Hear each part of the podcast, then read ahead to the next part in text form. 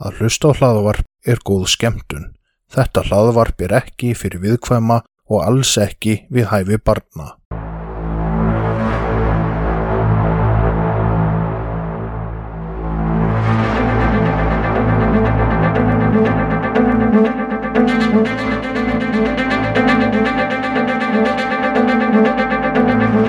Þetta hlaðvarp er hluti af IK Network. Góða skemmtun. Ég vil til þín, Telma. Komið þið sæl og verið velkomin í Hvað allir sé að? Ég heiti Telma og á móti með sittur Brynjar, góðan daginn. Hér er ég komin í stúdíu og stofu með bróðsáfur og gleði hjarta. og hvað allir sé að þér? Þegar stórt er spurt, er fólk um svör. Ég er með spurningu dagsins fyrir þig. Nú, Já, má ég spyrja? Ha, Já, ég er með spurningu fyrir þig. og ég var búin að plana svo geðu eitthvað spurningu fyrir þig. Þú mátt líka spyrja mig. Ok, Má ég fyrst spyrja þig? ok. Hvað finnst þér um glory hole? Get nú ekki mikið tjáð mig um það þar sem ég hef ekki notast við það. Ég sagði nefnilega frá því í illverk þætti sem vorum að taka upp. Við? Ég og Inga. Já, já. Þá sagði ég nú smá sögu af þér og glory hole. Já, bara mér. Já, þú varst nær Já, en ég. já, þú varst þar líka. Já, ég var ekki svona nála. Ég get ekki sett neitt í gatið. Nei, þú getur tekið á múti í gatinu. Ég var í sama herbyggið. Já, ég veit. Já, vilt eldra myndi eitthvað koma inn í herbyggið. Menna þannig að það veri öfugt. Já, þá tekið þú á múti. Men þetta var ekki þannig held ég. Nú, Allavega, þá sagði ég þess að sögu í... þetta var bara spónaplata með gati. Já. Já, Mm það er ekki gimmisund á bakvið það. Nei, allavega, ég sagði þess að sögu í illverk þættinum. Já. Og úr því varð áskorun að okkur gera þema þátt. Svona eins og síðasti þáttur Mm. tippa tributið en gera glory hole þátt. Já, ætla að séu mörg sagamál sem að gerast í glóri hól. Sko, við erum náttúrulega þáttur sem heitir hvað ætli sé að, þannig við getum alveg svolítið teikt hennan ramma. Þannig ég er að spara að taka óskorinni og reyna að finna mögulega saga ef allavega bara furðuleg mál með glory hole. Já. Ef að byrja á þínu máli þá. Af hverju mínu? Við vorum saman þarna. Af hverju er þetta þá mitt mál? Þú varst nær og með tippi. Já, en af hverju er þetta þá mitt mál? Er þetta ekki okkar mál? Nei, Jú, ég var ekki upp þetta gat. en þú varst hana líka. Ok, við getum startað á okkar glory hole máli. Já, en ég vil þakka alheiminum sem að sendi mikið af skilabúðum eftir seinasta þátt. Þar sem ég baðum, mástu fólki út í heimi að senda hvað það var að gera. Já, en sendi enginn sem var með skemmtilega framandi blæti. Nei, reyndar ekki, það voru allir feimnir við það, sko, Já.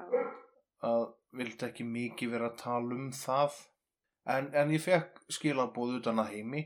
Er þetta hundurinn þinn sem byrjar að hvart um leiðu að tala um blæti? Já, hann er með blæti fyrir leðri. Ok. Mm Herru, spurning dagsins á þig, Telma. Já, hljóðar svo hvað er uppáhalds osturinn þinn djúbstektur kamembert. en er það þá matreiðslu aðferðin á ostinum eða er það kamembert ostur sem er uppáhalds osturinn þinn Hann er uppáhalds osturinn minn þegar hann er djúbstektur. já, já, já en ef ég myndi djúbstekja gráðost Nei, það er ekki kamembert. já, þannig er það kamembert þá sem er Nei, mér langar ekkert í kamembert ef hann er ekki djúbstektur. já, já, já, það var ég að já, það er, þá ef hann er djúbstektur Þá er hann er hann uppáhalds. uppáhalds Já, ok, ok. Þú þurftir að spyrja þessu. ég spurði að þessu. Já, hvað er uppáhalds osturinn þinn, Brynjar? Port Salute Jálfur, já, geðvikur ég var aldrei smakkað alltaf. Primadonna er líka mjög góður. Eh, já, ætla að sé, það sé ekki þeir tveir sem eru allir rostar bara góður skulur hafa vart í og Mér finnst við tala óhemju mikið um ostabrinnir. Ég verði eiginlega bara að segja það.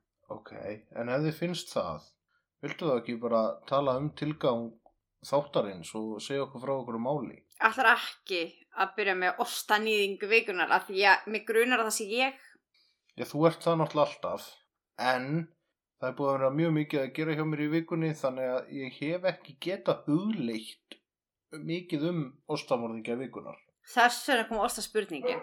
Kom og kom ekki, hún hérna, mér langaði bara að fá annan vinkil á ostana. Ég er endar með annan vinkil á osta fyrir þig. Já, ok. Ég er með mál Mm. sem að ég ætla ekki að taka í þessum þætti en já, sko næsti eða þar næsti þáttur verður glórihól áskorunin, býst ég við Verður það í næstu viku? maður þar næsti þáttur, held ég Ok.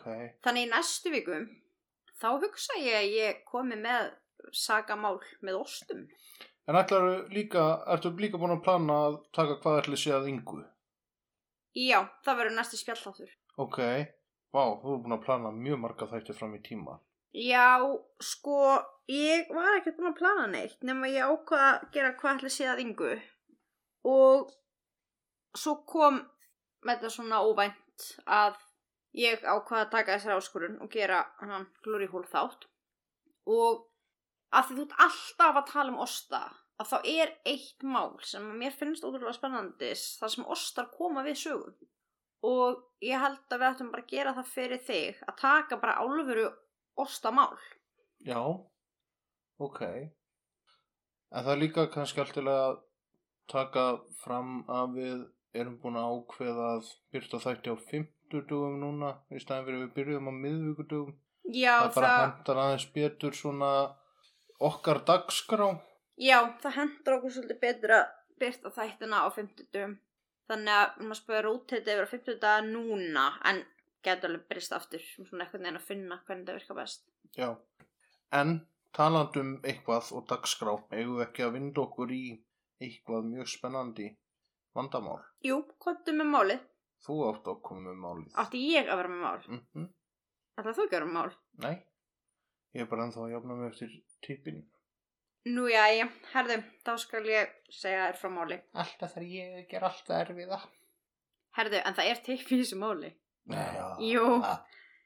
Hvað Ég, hérna, komst bara að því með þess að frekar seint í að kynna með málið, en það kemur tippi við sögum. Þú ert með tippi á heilan. Nei, núna er ég ofsótt á tippum, eins og þú varst þegar að eftir að við gerðum fyrsta þáttinn, þá sagði þú að þú hefur verið ofsóttur af afskon tippum og einhverju. Mm -hmm. Og núna allt í hennu bara, ég valdi þetta mál ekki út af neinu með tipp að gera. Það bara kom.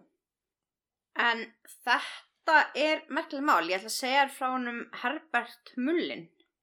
En hann fættist 18. apríl árið 1947 í Salinas, Kaliforníu.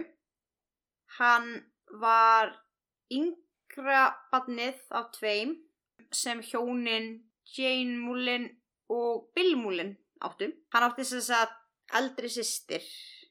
Móðir hans var strángtrúaður katholiki og fadir hans hafði verið hermaður í setni heimstyrjöldinni. Það sem að er svolítið magna við hann múlin er að hann er ári eldri, hann er einu hálfu ári eldri heldur en Kemper.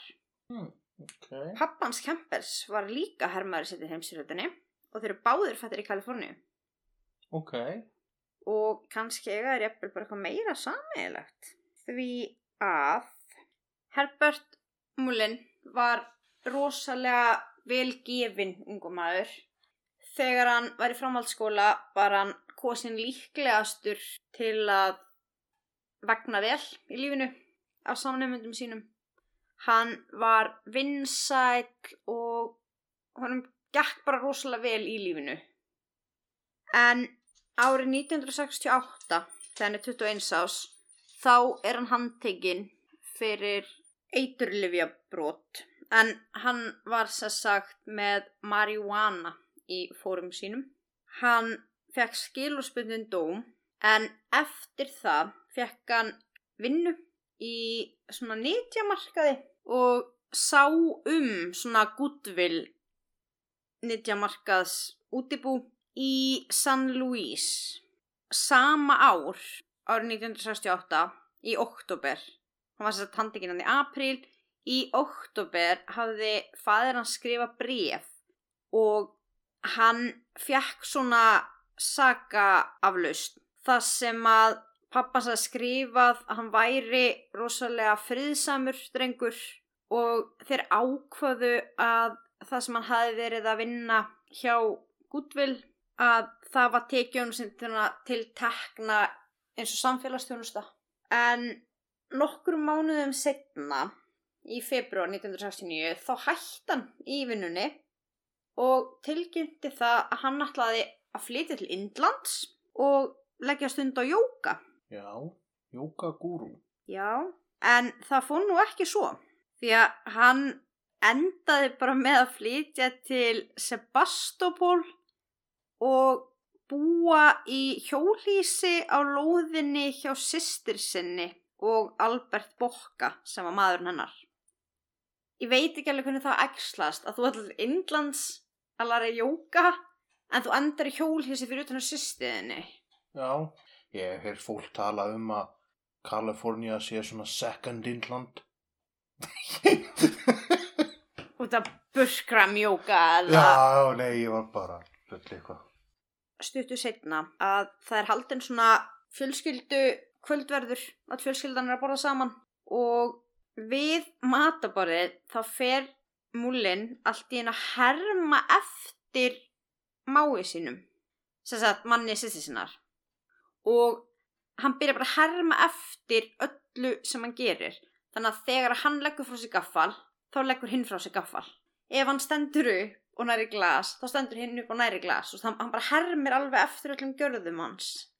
Og þetta heitir ekopraxia í kjölfarið þá fer hann sjálfviljur inn á geðdild Fyrir ekki þau ekopraxia. já, það er þetta það sem hann hermir eftir öllum. Já, og hann ákveður þá að fara sjálfviljur inn á geðdild það sem hann er greindur með geðklofa ok. En er það þá geðuröskun? Nei. Þetta Að herma svona eftir eða? já, það kemur sko að hann er greindur sem sagt með geðklofa Mm. En ekopraxia er eitt af einkennum geðklofa. Á, ok. Ég held að þetta sé mjög sjálfgeft af því að þetta er ekki í svona algengustu byrtingamyndum geðklofa að mér vitandi sko. En hann var í sex vikur á geðdildinni og þar fjekk hann sem sagt geðrófslif við geðklofanum og tali var að þetta mætti reykja til eitulífanislu. Þetta hefði komið fram geðrófsjúkdómur í kjölfar eitulífanislu. Ok, var það þá marihuana? Já, og það er alveg fullt af rannsóknum sem að hafa tengt marihuananislu við geðróf, geðklofa hjá ungmennum. Mm. Þú getur verið sko með ákveði gen sem veldur geðklofa að þetta er svona fjölgena sjúkdómur og þú getur verið með þessi gen og svo ertu kannski með eitthvað gen sem að ítir undir að geðklofan komi fram eða þú ert með gen sem að dregur úr líkunum á því og að þetta er svona flókið samspil þá er marihuana er eitt af því sem að ítir undir að hann byrtist þannig að þú getur verið með þessi gen en þau virkjast og sjúkdóminu kemur fram í kjölfarið af kannabisneslu Ok. Mhm. En hann er sérst að greindur hann með geðklofa en hann skrái sér sjálfur út eftir sex vikur og hann var rosalega ósamvinnu þýður og þeir töldu hann ætti ekkert mikla vona á að náninum bata. Þeir sáu það ekkert fyrir sér það var bara ósamvinnu þýður og, og skráði sér svo bara út. Þá fór hann á Lake Tahoe með öðrum sjúklingi sem hafði verið að losna út og þar fór hann að starfa sem uppvaskari á svona spilavíti sem að hétt Harvey's Wagon Wheel Já, fallið nafn. Wagon Wheel, Já. já, ég fannst það náttúrulega sko Já. en hann starfar þar hann yfir sumarið hann fer sér satt að geta hildinni svona sérki mæ en í ágúst hættir hann starfinu og flytur aftur heim þar kemur upp atvik þar sem að hann ókunnar svona forest ranger, skóarverð, landvörður, er það ekki? Jú. Ég held sér landvörður. Skóavörður. Já, hann ógnar landverði með hníf af því að hann var beðin um að yfirgefa garð sem hann var í. Hann stakk hann ekkert að neitt, hann bara tók upp hnífinu og ógnaði honum. Hann var handtekinn en hann var ekki bókaður. Þannig að þú veist, hann var ekki dæmt í þess að það fór ekki að sagaskra neitt, hann var bara handtekinn og svo sleppt aftur. En þarna fór hann síðan í meðferð í svona samfélags meðferðar úrræði í Santa Cruz í Kaliforníu. Þarna hóf hann líka frekar ógeðfelda yðju en hann byrjaði að brenna sig á getnaðalimnum með síkaretum. Oi. Já, Á. já, Oi. já. Á. Og hann, hann gerði þetta bara svona ritualistically, þú veist. Þetta, þetta var bara svona atöfn, það sem hann var bara gerandi þetta við sjálfan sig. Ok. Oh. En þetta er búið núna. Segir þú? Já, með tippið. Ok. En hann flytur síðan úr meðferðinni, sækir um bætur, fer síðan og heimsækir þess að fyrirvirandi yfirmannin sinn sem hann var að vinna hjá í nýttjamarkanum. En hann segir honum þarna hann sé satt farin að heyra rattir og hann sé farin að fá skilaboð. Hann reynir líka við vinsinn sem hann kallaði sko frænda sinn og þessi vinur hann sem hann kallaði frænda sinn og fór sinna að reyna við, hann var læknir og hann þekkti strax svona þessi geðrós einkenni og let leggja hann inn. Þess að hann let leggja hann inn ekki sjálfviljugan. Uh, var þetta þá geðklófin að láta hann reyna við vinsinn eða var hann samkynniður?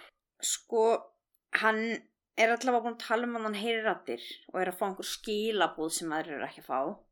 Og það er algengt með geðklöfa, sko, að þeir geta verið að fá skilabúð úr sjónvarpi eða útvarpi sem er svona beint til þeirra. Og þetta er bara svona rámkugmyndir. En þetta er vinur hans greinlega sem að kallar frænda sinn og er að reyna við og vinur hans er aðna að sjá alveg svona skýrmerki um geðróf og þetta er nógu mikið til að hann er sko sviftur og lagður inn gegn vilja sínum. Þannig að, Var þetta gísli frændi? ói, það er svo lasin. Allavega, þannig að fattar enginn hennan brandaraðinsku en svona, en Gísli frændi er, er ímundaður frændi hans Brynjars. Nei, frænd hans ekki mér. Nei, ok, herði, við skulum ekki fara út í þetta, en allavega þá held ég að það þurfti eitthvað mikið meira til heldur en að kalla hann frænda og reyna við hann til að vera sviftur og settir hann á geðdild, sko. Að það er alltaf að hann sýnir mjög greinileg merki um geðróf þarna.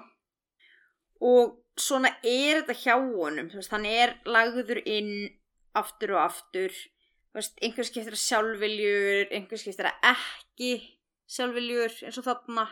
Og hann kemur hann út úr skápnum líka einhverju síðar. Já, ok.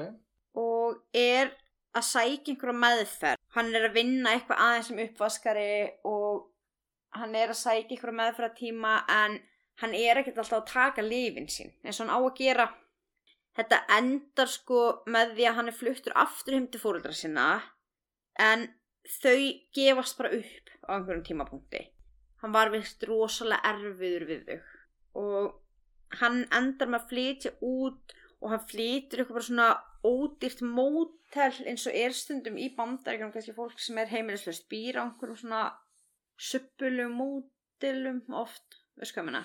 Uh hann flytur á eitthvað svo leið stað og hann nær að borga fyrir það bara með þessum bótum sem hann er að fá.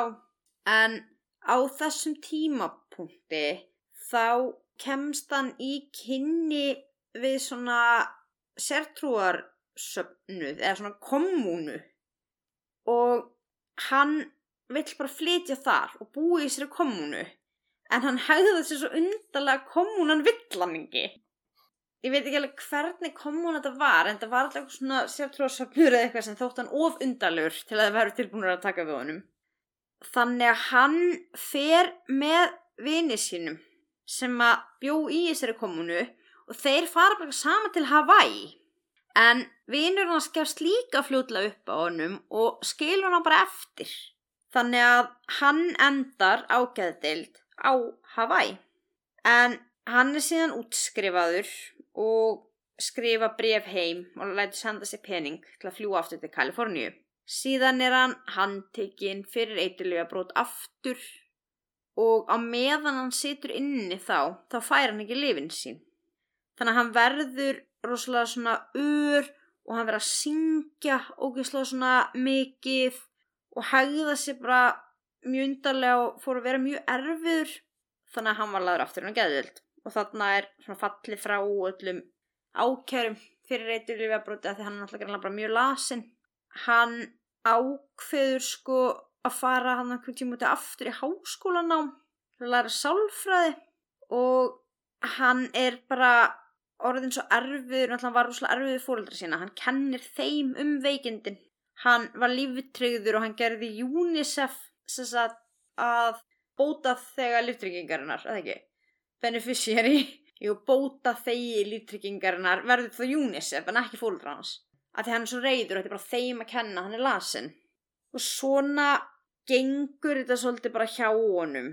Hann er hann tekið fyrir ölfuna almannafæri og hann fer eitthvað furðilega mataræðiskúra og einhverjum tímapunktir er hann fann að tala með gerfi hreim, mexikanskum hreim.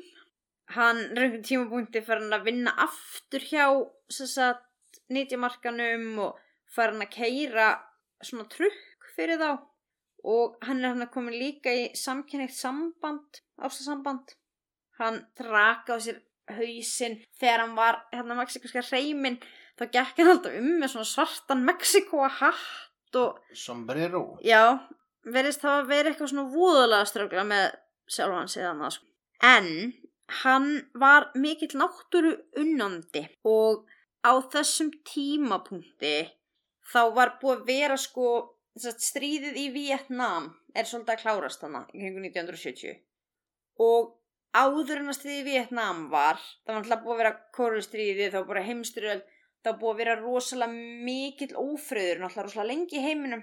Þetta er mikið blóðbáð og þar sem að hann var náttúrulega með geðklofa og geðursjúkdóm þá var hann haldinn alls konar ránkugmyndum og ein af þessum svona stærstur ránkugmyndum var sagt, tengt afmælisteginum hans.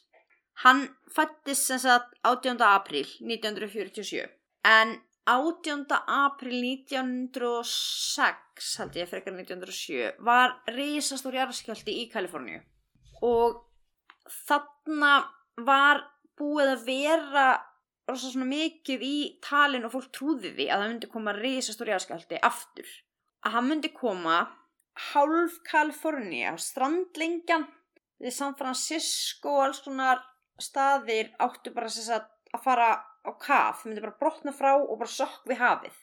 Og þetta var alveg það mikið svona trúað að velmenta fólk sem átti mikið af peningum var að kaupa upp land í frestnú og eitthvað svona stöðum sem þeir áökluðu að þurft að byggja nýjar hafnir eftir þetta. Að þið þau ætlu að græða ógislega mikið á að eiga landi þar sem að höfnin er byggð. Þannig að þetta er ekki, eitthvað svona ránkumiti á honum fólk í álfurni var að trúa að það er þessi skjálti aftur á móti þá var ekki bara 18. apríl ammælistaður þess að skjálta heldur var Albert Einstein fættur líka 18. apríl þannig að Herbert Mullin telur sig vera útvaldan af Albert Einstein eða eitthvað svona samstarfi við Albert Einstein til að koma í veg fyrir hann að járskjálta þetta er alltaf augljóst, hann er fættur hennar dag Albert Einstein líka, jarðskjálti var þannan dag. En eina leiðin til að koma í veg fyrir þetta og bjarga náttúrulega fólkinu sem myndir deyja er að myrða fólk. Já, það náttúrulega segir sig sjálf Já, hann verður náttúrulega að drepa fólk að því Vietnamstríðið er að vera búið. Þannig að ef það er ekki úttalt nógu miklu blóði þá verður járskjálti Þannig að hann fer og keirir um og hann er á svona þjóðvegi þar sem að hann sér heimilislausan mann sem að bjó í Santa Cruz. Þetta var sagt, maður að nafni Lawrence White. Hann var einn á gangi og þetta er svona afskektur vegur í Santa Cruz fjöllunum. Þannig að múlinn stoppar bílinn og þykist verið svona vandræma sem er bílaðan bíl. Lawrence kemur og byrðsla aðstóðan og hann fær hann svona að kíkja onni hútið á bílinnum og þá slæri hann í höfuð og meriðir hann. Hann, þess að já, landan bara til bana hana, með hafnaldakilfu og skilt hann eftir. Tíu dögum setna cirka, þess að í oktober 1972, þá tekur hann upp puttaling sem að er enda fyrir ekki áhugavert af því að náttúrulega Kemper var á sama tíma að taka puttalinga hana á sama svæði. Hmm, ok. Báðir í Santa Cruz. En hann tekur upp stúlku í bílinn að nafni Mari Gulfoil. Já, Mari, hétt hún.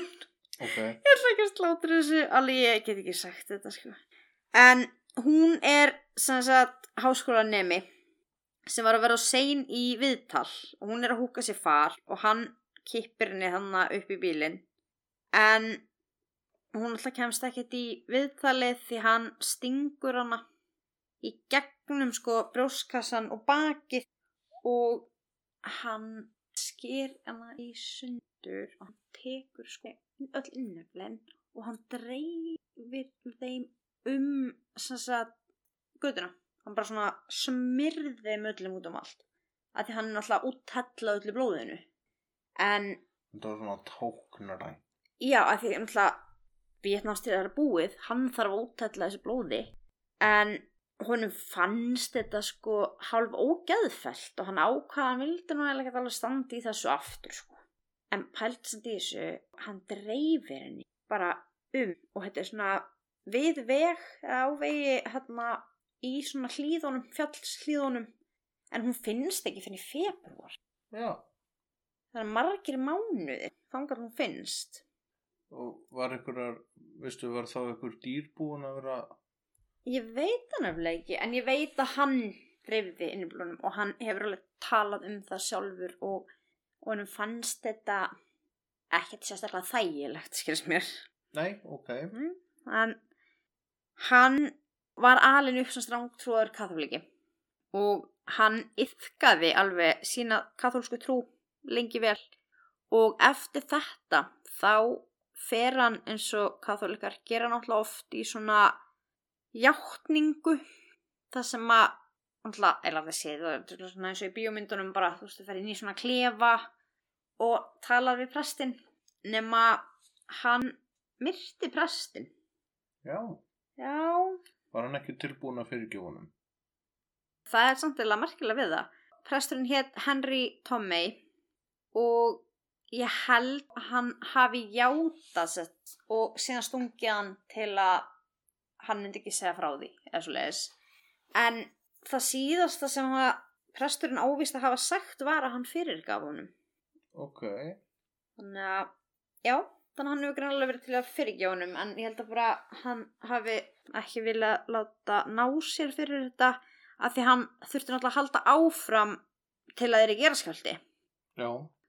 en hann hafði kifti hérna byssu sko eftir að hafa lesið bókina Einstein on Peace og þetta var samt byggt á því að hann erði eignast byssu af því að hann var að einum þriðja ættaður frá Skandinavíu og af því að bókinum eftir Einstein sagði að allir fullotnir kallmenn í Sviss ættu byssu svona sér til vendar. Þannig að ef að Einstein sagði að allir fullotnir kallmenn í Sviss ættu byssu, hann var að einhverjum hluti til ættaður frá Skandinavíu, þá náttúrulega var það næga. Jú, Þetta er náttúrulega bara borlíkjandi. En hann sko reyndi hann ekki að komast í strandgesluna en hann fjalla sálfræðilegum prófunum og honum var hafnað. Hann komst samt í sko landgönguliðið og hann náði þar sem sagt svona mental exam sem er svona geðpróf, geðrannsókn eða skoðun. Hann stóðst það og líka líkamlegu prófun en það endaði sem til að fljótt hjá honum því að hann neitaði að gefa upp sem sagt sagavóttorð þannig að hann náði öllum prófunum en hann fekk aldrei alveg inn. Þannig að hann er þannig áreikin þá er hernum. Um leið og hann er samþugtur eiginlega. Og hann flytur í einhverja svona einhverja sjappi íbúð. Þannig var hann búin að vera eitthvað svona aftur hjá fóruldru sínum og fóruldru hans voru bara orðinir alveg dauðþryktir á honum. Hann var svona reyður og erfiður við þau stakla pappa sinn. En hann ákveður þarna á einhverjum tímapunkti að drepa James Genera á einhverjum tímapunkti ég veit ekki nákvæmlega hvað það er í söðþræðinum þá sess að deyr góðu vinnur hans. Og það hafði rúslega slæm áhrif á hann Náttúrulega, hann er með gæður og sjúkdóm og hann er fíkild líka. Og að því hann náttúrulega sér ekki hlutina alveg svona raugrætt eins og við sjáum þá þá tekur hann þá ákvörðun að hann þurfa að drepa James út af því að hann hefði kynnt hann fyrir eitulífum í byrjun. Já, þannig að ef hann myndi drepa James að þá myndi eitulega vandamálu alltaf bara hverfa. Að það byrjaði með James og drepa James og þá hverfur þetta bara. Og hann fer heim til hans en hann er fluttur. Og þar býr þá Kathy Francis býr með tvo drengi sem hún á í húsinu sem að James hafði áður búið í. En hún segir honum hvert James flutti. Þannig að hann fer þangað myrðir James og konunans en ákveði sér að fara aftur tilbaka og myrða Kathy og drengin hennar báða. Já, þeir voru vist að hérna, spila svona checkers. Hvað heitir það á íslensku? ég veit það ekki. Nei, þeir voru að spila, þetta er svona skák með svona hlutu, já. já, svart og raukt, já, þeir Já. voru að spila þannig bara í kójunum og hann vist bara svona nær og gregur í fótinn og öðru þeirra bara stingur hann til bana og þetta var bara skelfilegt. Þannig að þarna á nokkrum mánuðum er hann búinn að myrða sjömanns. Já, Jú, hann myrti mannin sem að hann fekk aðstæða sig við bílinn, hann myrti stelpuna sem hann tók upp í bílinn, hann myrti James og konun hans og Kathy og börnunna tvö, þannig að hann er búinn að myrða sjömanns hana og síðan þá er það bara kannski sem vikum setna, ekki það einu sinni, það sem að hann var að verða á vegi hans fjórir úlingstrengir sem að er í útilegu. Og múlin er rosalega mikið náttúrubann og það snýst rosalega mikið um náttúruna og svona og hann segist vera landvörður og reynir að fá alltaf að fara af því hann finnst að ganga bara eitthvað illa um og hann er eitthvað reyður yfir þessu en þeir gera það ekkert veist, þeir eru ekkert að fara að fara. Og svo ákveður hann að ná í byssu og hann kemur aftur og myrðir þá alla. Þau voru að ganga ítlum þetta svæði hann var búin að byrja um að fara þau vildi ekki fara. Já, já, bara eins og menn gera. Já, já, þetta myrðir er alltaf bara ungmenni útilega sem ganga ítlum Já, það er náttúrulega ekki ungmenni sem eru vandamálin í útilegum. nei, reyndar ekki. En hann allavega ákvaðan er alltaf bara að drepa þá til að vera ekki að ganga ítlum tjaldsvæði en hann er orðin rosalega lasin þarna. Eins og þegar hann myrti fyrsta fórnalambið þá sagðist hann að myrtan að því að hann hefði gefið honum svona hugskeiti hann sendi honum hugskeiti og sagði I'm your Jonah. Þannig að hann þurfti að henda Jonah fyrir borð til að bjarga sko þannig að I'm your Jonah var svona merki um fórnaði mér. Og hann sagði það, fórnalömpin hefði þú veist verið að senda hann þessi hugskeiti og hann hefði vist átt ykkur hugsketa samskeitu við þess að drengi. En hann er þarna síðan að keira og hann er að fara með eldi við heim til pappa síns. Og þá heyrir hann sko að röddina á pappa sínum í höfðinu á sér og hann er alltaf að segja bara þú veist þú skalt ekki dirfast að koma með eldi við að þú drepur engan á leiðinni.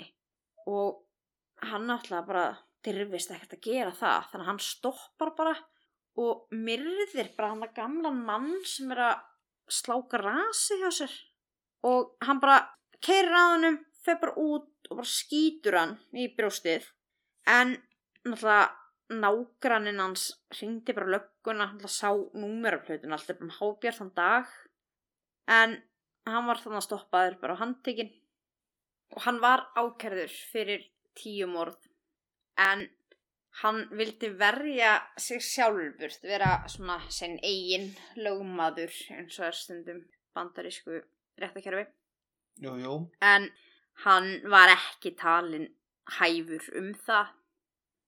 Og hann reyndi að játa sig segan samt. Hann vildi verja sig sjálfur en hann vildi játa sig segan en hann, já, var bara ekkert hæfur um það.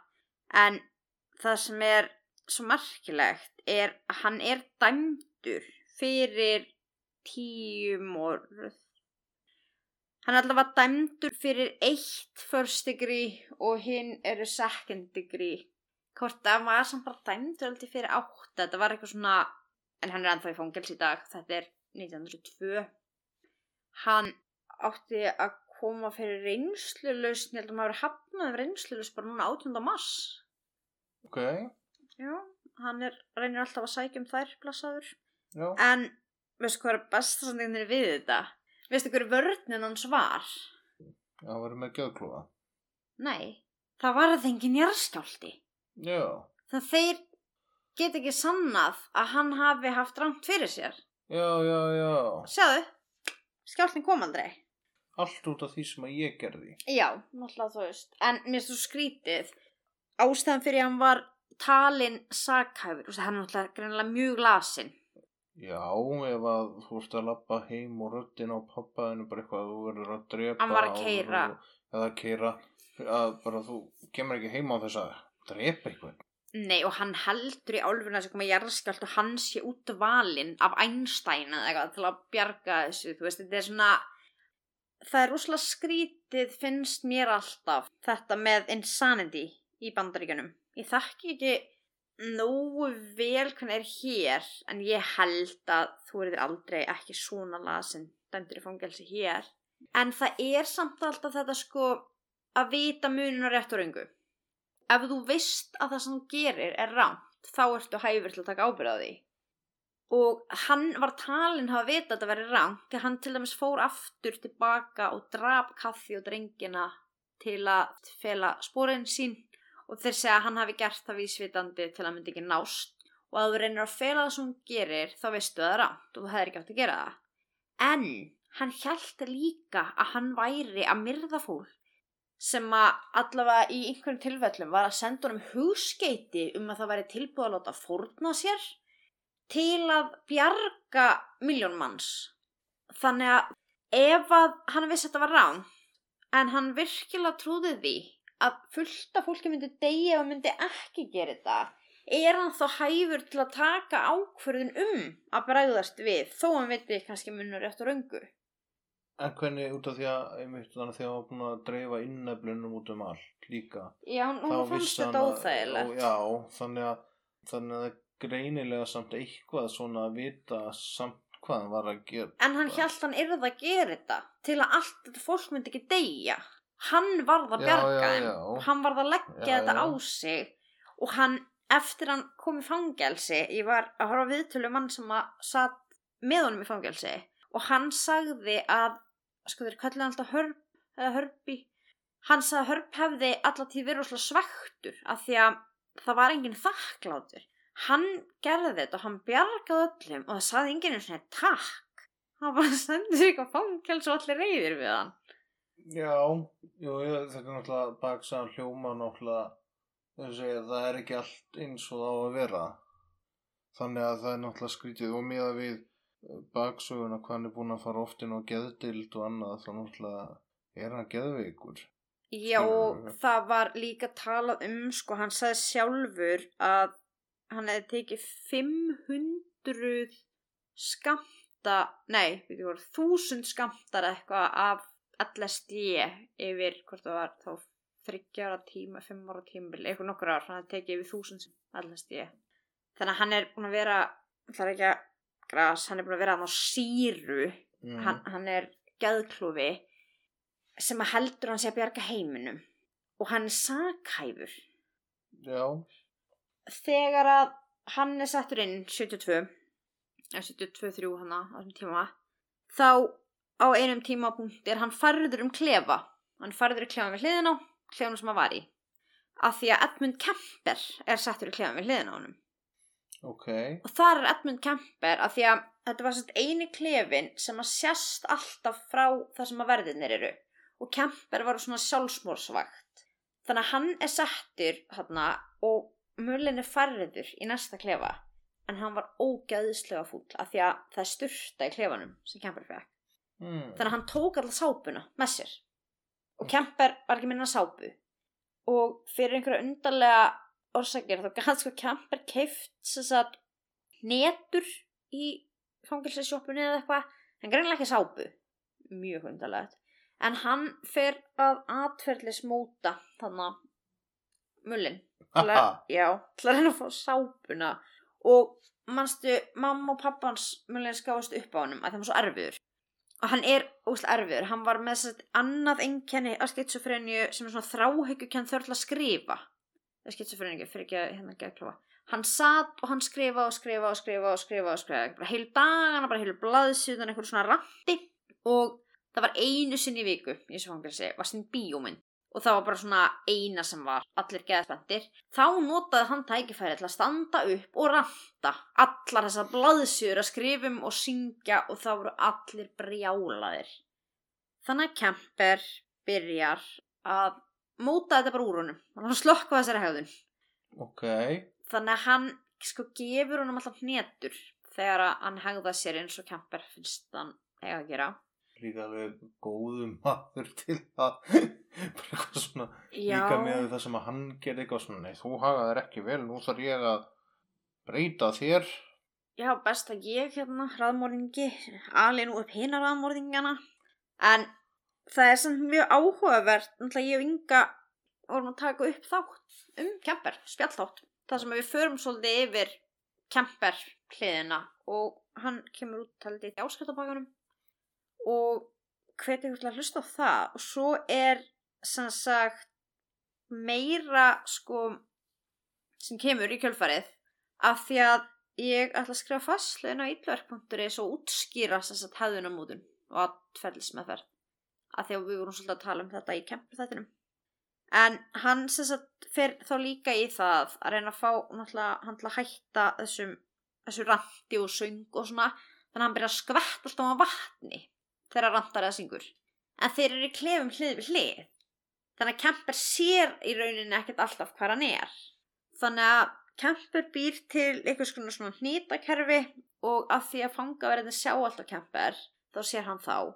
Og þeir gefa honum svona merki í eins og svona hnýtakerfi þannig að þegar þeir setja puttana á ákveðin stað þá veit Kemper hvar mullin er í klefunum hliðina. Þannig að hann hittir hann alltaf. Já, en mullin sem er sko fáránlega klár líka og er jafn grindur og Kemper hann fattar ekki hvernig Kemper er alltaf að hitta hann. Ok, þannig að hann fyrir bara að byggja um leiði hvort hann megi syngja. Ok, og hún var leitt að syngja bara ekki þegar var bíóminn skils mér. Ok, en sko bara líka til að útskýra þú veist hvað hann er lasin veist, hann fær aldrei reynslulust af því hann nær ekki prófin, hann stendst ekki prófin um að vera nú heitla ekki til þess. Hann er þarna inni. Hann er farður um klefa af því Kemper er á sálsvíksvakt Kemper hefur mjög mikinn tíma af sínum dómum verið á geðspítala, þú veist. Hann myrti ömmu svona afa 15 ára geðspítali allt þetta. En hann er ekkert þarna skiluru eins og með þessar ánkumindur og svona að ég held að mullin hefði aldrei neitt nema af því að hann held hann þyrst að gera allar bjargöllum. Og maður sem satt inni með honum var að segja hann var svo hann er svo ljúfur þú veist hann en hann reyndar gætt heldur ekki viðkjönd sko yfirvald. Þannig að hann strögglaði mikið við að hann veginn bara viðurkendi ekkert að það væri yfirvald eða einhverju sem að réður neinu sko. Og hann sagði sögu af honum að þeir máttu vera úti frá tíu á mótana til tíu kvöldin í þessu tildækna fangelsi. Og heitir sagt, CMC held ég það er kallað. Og hann er að koma sjálfur inn. Klukkan er að verða tíu og hann er að koma svona inn í gegnum garðin og múlinn byrjar að kalla í hann. Bara kontu, kontu, kontu, þú er að koma. Og hann er gera eitthvað svona regndans í garðinum og horfir eitthvað upp í stjörnuna með svona stóra headphonea. Og hann er eitthvað, þú verður að heyrta, þú verður að heyrta og setur headphoneuna á hinn. Og hann hlustar og hlustar og heyrist ekki neitt. Og hann bara, hvað er að heyra svo kíkir hann og þá heldur mullin bara á plögginu í hendinni. Hann snúra hann ekki tenginni þannig að hann ætla að vera með vasadisk og eitthvað. Já, nei, hann heldur bara á tenginu. Ok. og er að láta hann heyra í headphoneunum. Já, og hann eitthvað svona hvað á ég að vera að heyra? Þú heyrir í alheiminum. Já, þetta er ekki hefðveikt ok. þá var hann bara dansandi regndans og hlustandi á alheimin Já, ok. hann fáranlega samt gáfar hann gæti lært til tungumálin og hann gerir alls konar hluti hann inni. En hann alltaf er ekkert veruleika tengdur. Hann er að bjarga fólki frá sem jarðskjálta og eitthvað. Og svo, veistu hvað líka markilegt við þetta?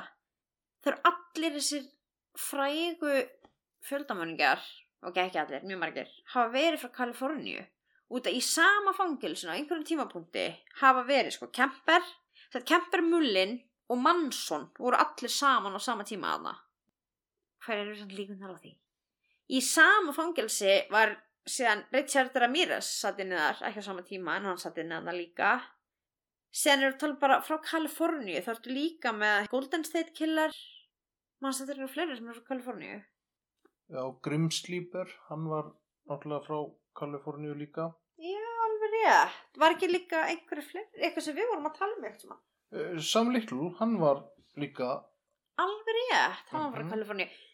Við vorum með að tala um þetta ég og Inga er svona svo fjölda raðmórðingar verði mögulega eitthvað svona frægari frá Kaliforníu heldur en frá öðrum stöðum.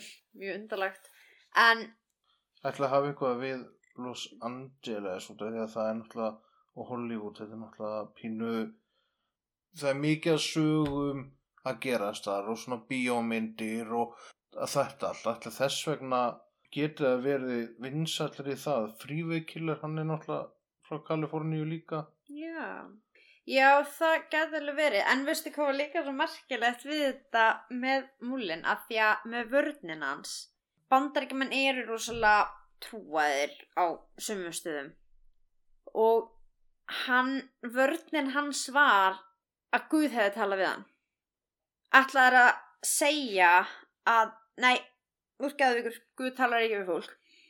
Já, ætlaði að efast um það eða ætlaði að segja ok, Guð sagði þér að myrða það Þú þetta er svona eldfimt efni og svo hann alltaf strángtrúið kathóliki já, þannig að það var, þetta var alveg svona mál þú veist, þegar að hann er handtekinn og svona en hann alltaf endar hann í fangelsi. En mér finnst bara svo skrítið að hann hafi verið sakhæfur. Ég er ekki átt að maður á því og í eitt skiptið hann sem að veikist þá er það að þegar hann er í fangels og fær ekki lifin sín.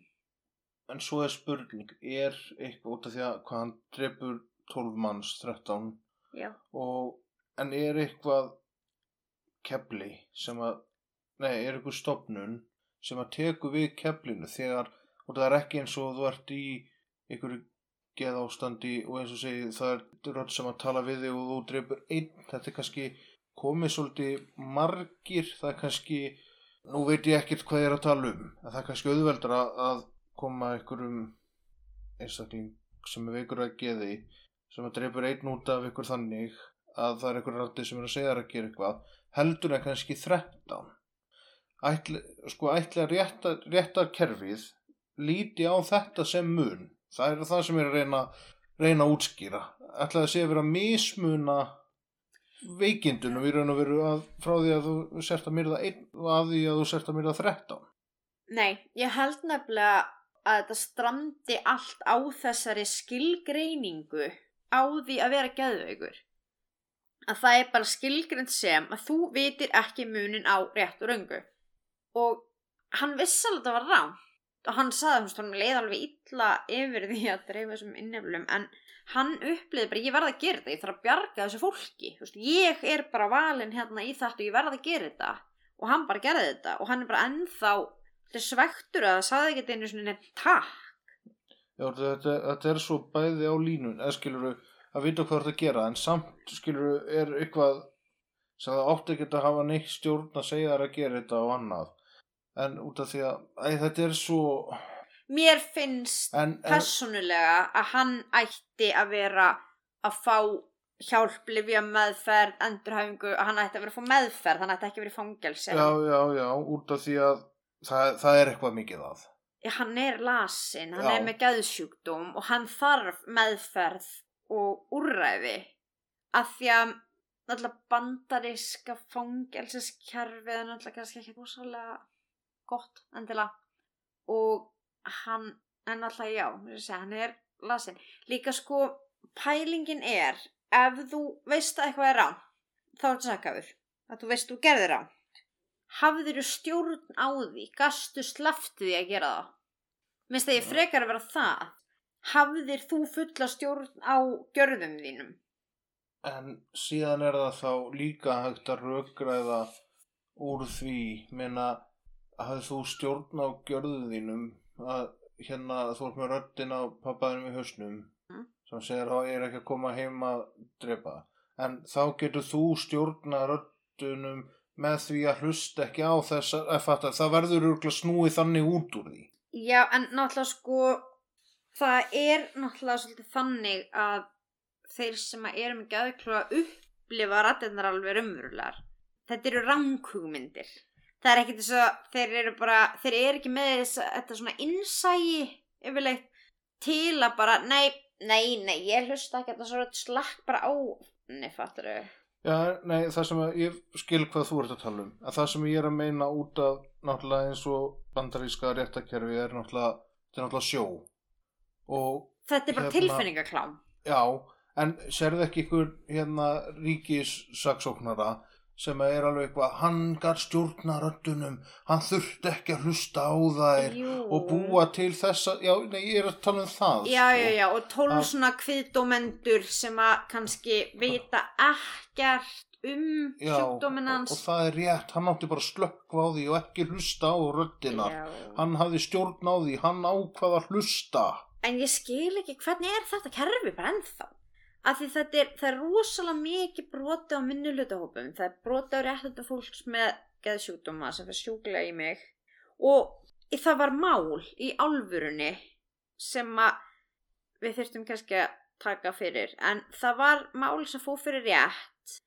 Vörninn var affluensa fyrir bærið.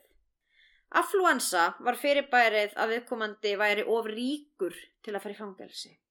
Hmm. Já, hann átti svo mikið af peningum að hann gati ekki gert sér grein fyrir afleiðingum gjörða þess. Já, Af því hann átti svo bátt út á öllum peningum. Þeir höfðu já, haft áhrif á þetta hjá hann. Við Já, þurfum eiginlega að taka það mál. Það er mjög veist, affluensa. Hvernig til fyrir, veist, hvernig til heiti við það að vera bara ríkur til að vera rafsað. Nei, ég get ekki tekið ábyrgjaðum mínum mjög mikið af peningum. Og á sama tíma er það sama kerfi sem að leifur þessa vörn. Er bara eitthvað, nei, þú vissir munin á rétt og röngu. Þú hefði bara átt að láta alla í Kaliforníu deyja í jarðskjálta.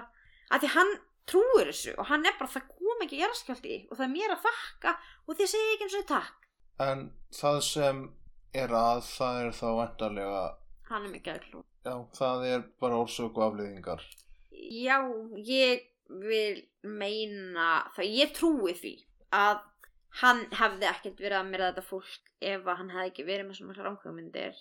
Af því að hann sýnir ekkert ofbeldisfull hegðun á hann að veikist. Hann er rosalega vinsall, hann er valin líklegast til að vegna vel í lífinu, veist, hann langaði að fara hann að stunda jóka og hann verðist vera mjög friðsall svona einstaklingur.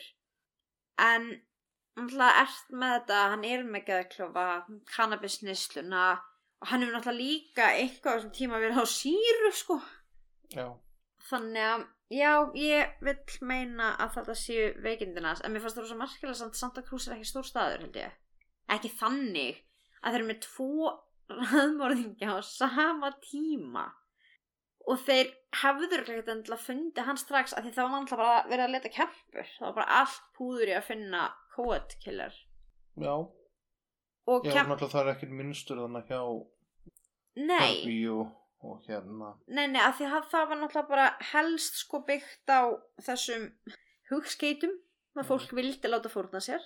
Og svo var það náttúrulega að því að hann var að stoppa hann var að taka eiturlifi vandan og það allt í burtu með því að myrða mannin sem byrjaði það já, já.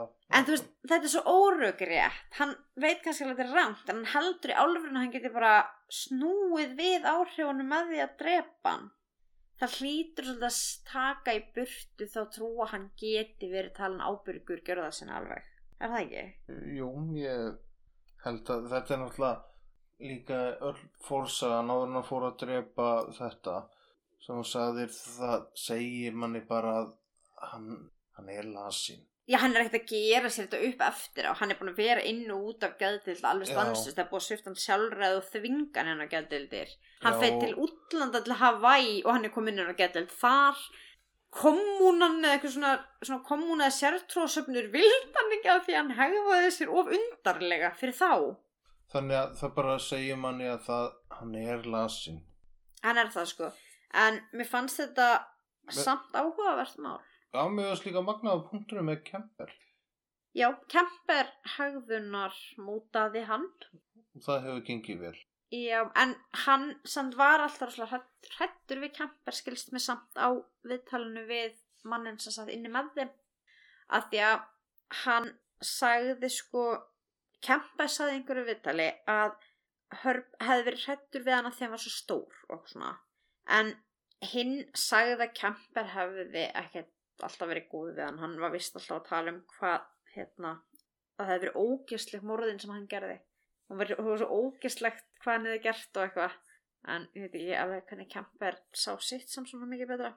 Nei, það, af því að þar ertu með alveg svona ásetning skiluru að hann var bara með alltaf myrða já og, og hann var ekkit alveg að sko skera hausa af og, nei, og svona já, þannig að jú að hann alltaf drifði samt inneflun já, en það var eitt, skilur við hvað tók Kemper marga hausa af?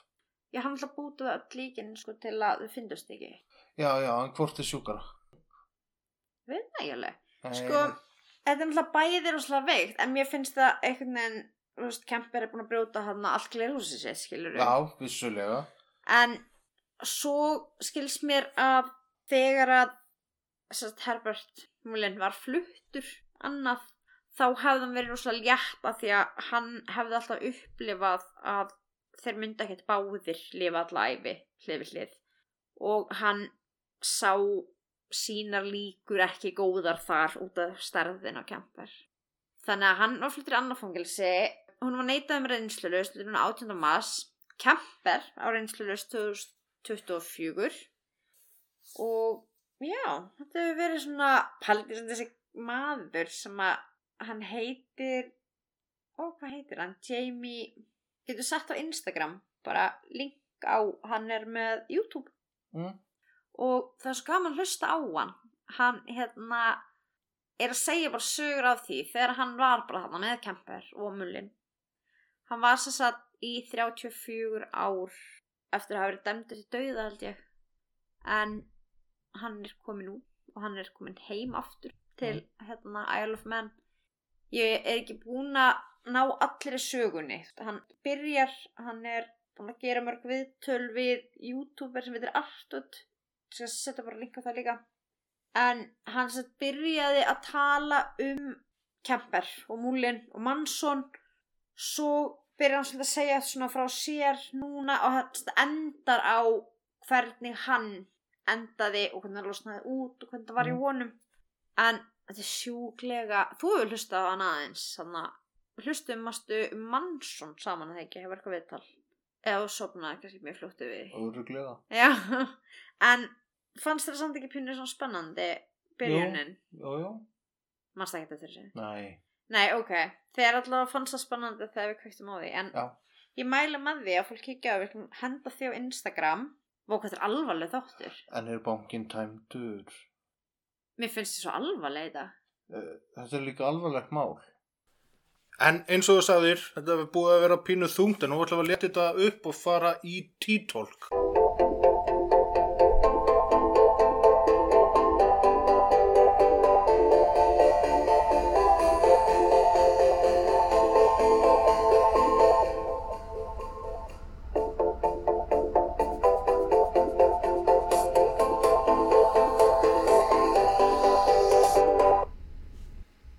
Tilbúin? Hvað er TikTok? Herðu, hugmyndin er, fyrsta fimmtudag, hvers mánar, T-Talk, fólk, hlustendur, spyr þig spurninga. Af fúsum og frálsum vilja. Þau spyrja, þú svarar. Svona eins og það hringtir hann út á sögu. Nei, þau eru að tala um viss málefni en ekki núna. Nú bara svarar þau spurningunum þeirra. Er ákveð málefni á út á sögu? Oft er stjórnmálið eða gassasvæðið eða eitthvað sem er verið að tala um þar. Ég hlust ekki á sögu, ég myndi ekki að vita. Nei, ok. En- En, ertu tilbúin? Hvaðan kom þessar spurningar? Frá Instagram, Facebook, hlustendum, aðdáðandum sem að vilja spurja þig af einhverju skemmtilegu. Aðdáendum. Já, Vinum okkar sem sagt. uh, nei, nei, Jæja, ok. Kannski er einhver sem að vill veit eitthvað. já, Ok, hvað, er þetta hraðaspurningar eða? nei, nei, s- bara, Svona komin í stallingar? já, ég veit að ég er að lesa líka. Herðu, aldrei aftur áfengi eða aldrei aftur kynlíf. Ha? Ef þú mætti velja, Já. aldrei aftur áfengi eða aldrei aftur kynlíf, hvort myndur þú velja? Hver samdi þessa spurningu? Þetta er bara sem að hlustendur er að senda inn. Aldrei aftur áfengi, aldrei aftur kynlíf. Já, hvort myndur þú velja? Er sálsvon kynlíf? Já, Þetta er kynlíf með öðru fólki, er það ekki? Nei, bara kynlíf, örgulega bara það að vera kynvera, þú stundar ekkert kynlíf. Skilur þú? Mega nunnu stundar sálsvon. Nei, Er vassmelónan, var það kynlíf þá hjá görnum? Já. Það flokkast undir kynlíf. Ok, ok, aldrei aftur Plead the fifth? Nei, svaraðu. Þetta er svo erfitt. Hvað er áfengi? Allt sem er yfir 2,25%. Ok, þá segi ég aldrei aftur áfengi Mhm. og drekk bara út úr en eplasáða með sigri. Ok. Hvort myndið þú ganga í kroks í heila viku eða borða súrmat þunn í gasklefanum? Gangi krosku með heila viku eða borða súrmat í gasklefanum þunn. Já. Ok, ég veit hver er að spurja um þetta sko. Um, ættu við kannski að segja fólki hvað gasklefin er. Nei, nei. Ok, gasklefin var bara gluggalust herbyggi. Uh sem kallum gasklefan. Ég myndi verið í krokk sko með heila viku og vera bara í sálskipaðri sótt kví eða eitthvað. Ok. Mikael fann að spyr, hvað ætli sé að binna? Hvað ætli sé að binna? Já. Ef ég vissi það, þá þyrfti ég ekki að skrá mig í frekara ná. Nei, ok. Nei, ég hef eiginlega ekki hugmynd um það, en ADHD er klárlega eitthvað sem hann hrjáir hann. Ok. Hér er ein spurning hjá einhverju sem var greinilega að hlusta á seinasta þátt. Ok, Ætlar þú að gefa Brynjar í múfu? á ég að gefa þér múfu? Já, það er spurningin. Ætlar þú að gefa Brynjar í múfu? Lendir ykkur slísástu mín? Nei, Eitthvað auðmur í honum. nei. Er þetta einhver sem var að hlusta á síðasta þátt? Eða er þetta einhver sem er skildur þér? Sko, nennir bara að svara spurningunni? Þetta er bara, já, það er spurning. Ætli ég að gefa þér múfu? Já, þannig er spurningin. Þú hefur ekkert beðið um hennar múfu, viltu múfu? Nei, nei. Nei, þá ætla ég ekki að gefa múfu, viltu henni gett. Ok. Herðu, önnur, hvaða illmenni er í uppahóldi hjá þér? Ill menni. Já. Er það bara svona, við erum ekki að tala um eitthvað svona Avengers illmenni, við erum að tala um svona Ég myndi halda það, já. Avengers illmenni? Nei. Nei, ég- álfurunni. Já, alvöru illmenni. Fattaru, fjöldamorðingar, Hitler, Stalin, skilur þau þannig einstaklingar? Hitler, hann kannski með svolítið kýtlandi skegg. Nei, ég ætla að segja kemper. Ok, já, ég er ekki hiss á því. Herðu, næsta, hvað finnst þér mest sexy við B-mann? En þú sagði þetta væru ekki hraðaspurningar.